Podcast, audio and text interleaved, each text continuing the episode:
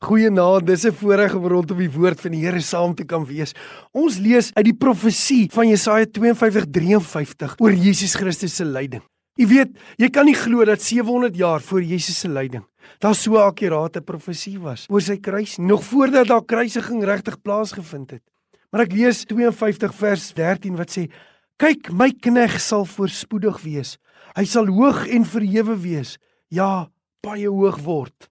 Voordat die profesie begin van Jesus se kruis en die lyding en die lydende knegg kry ons hierdie versie wat sê my knegg dis Jesus sal voorspoedig wees.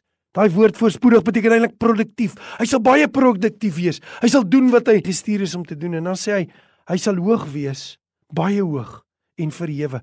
En daai woordjie hoog het 'n stam in die Hebreëse taal. Weet jy wat is daai stam? Dis verstommend. Daai stam beteken opstaan Daai woord sê eintlik, my knegg sal baie produktief wees. Hy sal baie voorspoedig wees. Hy sal opstaan.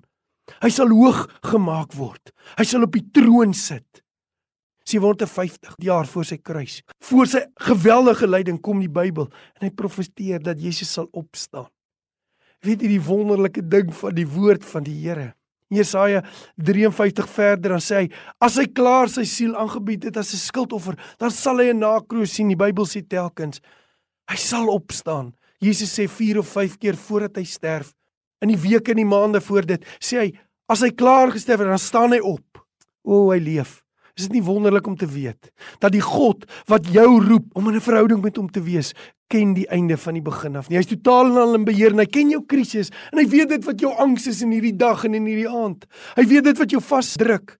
Maar hy's die een wat leef. Hy het nie net gesê hy sal opstaan nie. Hy het opgestaan. Hy het nie net gesê hy gaan kruis toe gaan en dan opstaan nie. Hy is kruis toe en hy het opgestaan. Hy het 'n verlange want hy sien die einde van die begin af. Hy wil vir jou lewe gee.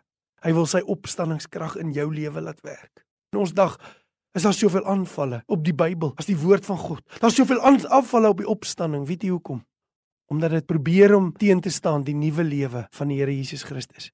Jy weet Jesus Christus is gister en vandag en tot in alle ewigheid dieselfde. Hy het opgestaan. Hy is op die troon, presies soos wat Jesaja 52 vers 13 gesê het.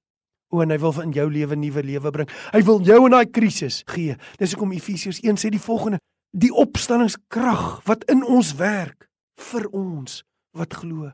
Het jy dit al beleef? Het hy al nuut gemaak? Het hy al vir u nuwe lewe gegee? Hy leef. Hy het opgestaan en hy is op die troon. Mag die Here u seën. I mean,